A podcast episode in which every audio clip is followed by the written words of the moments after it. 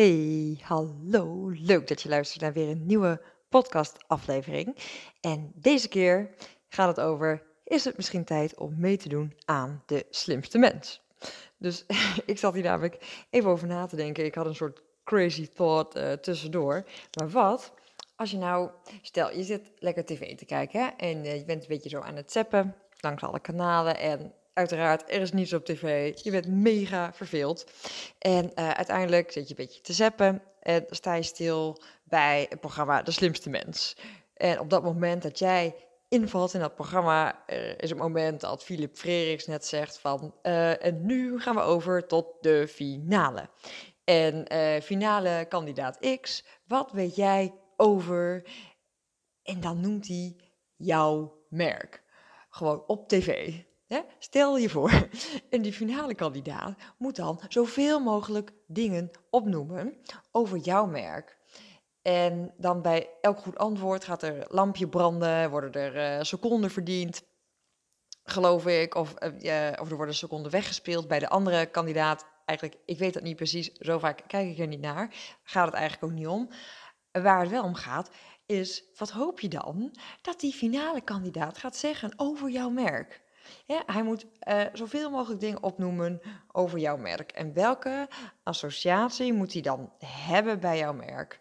En wat maakt jouw merk dus nou zo eigen? Wat, wat kenmerkt jouw merk? Wat is jouw merkidentiteit? Wat is jouw boodschap? En bij het noemen van welke termen of welke zinnen gaat er dan een lampje branden en uh, ding ding worden er punten gescoord. Dus door welke woorden te zeggen kan die finale kandidaat nou gaan winnen? Heb je daar wel eens over nagedacht? Hè? Stel, het zou echt zo zijn. Jij zit tv te kijken en een of andere superleuke tv-persoonlijkheid Ehm, laten, we zeggen, laten we zeggen, Johnny de Mol bijvoorbeeld uh, zit in de finale en hij moet zo goed mogelijk jouw merk omschrijven om te kunnen winnen. Maar wat hoop je dan dat hij gaat zeggen? En wanneer worden er dan punten gescoord? Dus hoeveel dingen zou die kunnen opnoemen over jou? Dus wat maak jij nu? Ga voor jezelf eens na. Wat, eh, wat maak jij nu allemaal kenbaar over jouzelf, over jouw merk, over jouw karakter? En als je dat doet, ben je daar dan ook consequent in? Ben je daar ook consistent in? Of wisselt het misschien nogal wat we eigenlijk kunnen zien van jou? Want hoe beter je dus je, je identiteit bewaakt, dus in alle vormen, dus dat is ook je visuele identiteit, dat zijn je foto's, dat is je huisstijl, jouw logo, jouw kleuren, je tagline, je content, je website je profielen, je marketinguitingen, je, je team, je medewerkers. Nou, eigenlijk uh, alles wat we van jou zien en horen.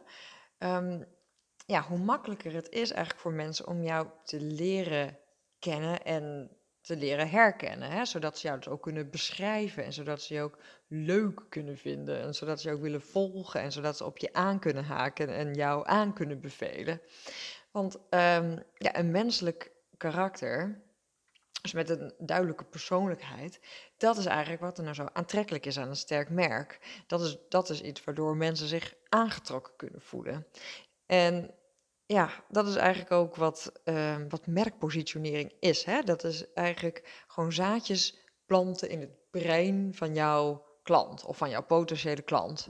En dan gaat het eigenlijk niet eens zozeer om om wat je dus verkoopt of wat je aanbiedt of de, de functionaliteiten van jouw product of jouw dienst.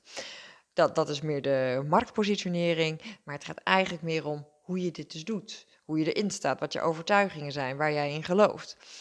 En ja, waarom is dat dan zo belangrijk dat je iets van jouw persoonlijkheid laat zien?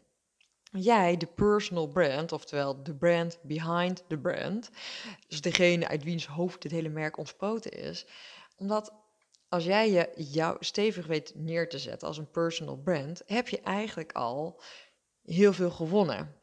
Want als je dan nog iets gaat uh, wijzigen uh, aan hetgeen wat jij doet of wat je aanbiedt, dan maakt dat eigenlijk al niet zo heel veel meer uit, want mensen kiezen gewoon al echt voor jou. Want uh, mensen doen zaken met mensen. En als mensen jou kennen, dan uh, vertrouwen ze jou al, ze kennen jou al. En het begint dus ook gewoon bij jou. Jij bent de basis. stel je voor, ik moest, uh, toen ik hierover na zat te denken, moest ik even aan dit volgende voorbeeld denken. Ik heb dit een keer gehoord en um, dit lijkt me hier wel van toepassing. Uh, stel Bill Clinton, hè? Stel dat de volgende finale vraag in De Slimste Mens is: Hey, Johnny de Mol, wat weet jij over Bill Clinton? En dan gaat de tijd lopen. Nou, dan denk ik dat hij eigenlijk best een heleboel dingen kan opnoemen over hem. Hè?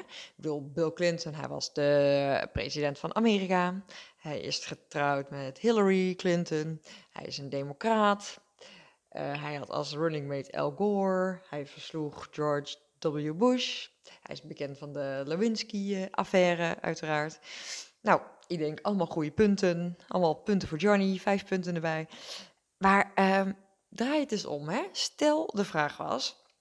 hey, uh, Johnny, wat weet jij allemaal te benoemen over Monica Lewinsky? Nou, ik denk dat hij dan snel klaar is. Dan zegt hij, er was een schandaal met Bill Clinton en er was een affaire. Stop de tijd. Tenminste, dat denk ik. Want um, hoe kan het eigenlijk dat we bij Bill Clinton nog aan zoveel andere dingen denken? Hè? Kijk, die Bill, die was natuurlijk al een sterk merk. Hij was al een sterke persoonlijkheid. En sterke merken kunnen vaak, vaak ook een storm doorstaan. Dus hoe hevig die storm dan soms ook lijkt, maar sterke merken kunnen ook deze stormen te boven komen. Ook als het hun even wat minder gaat.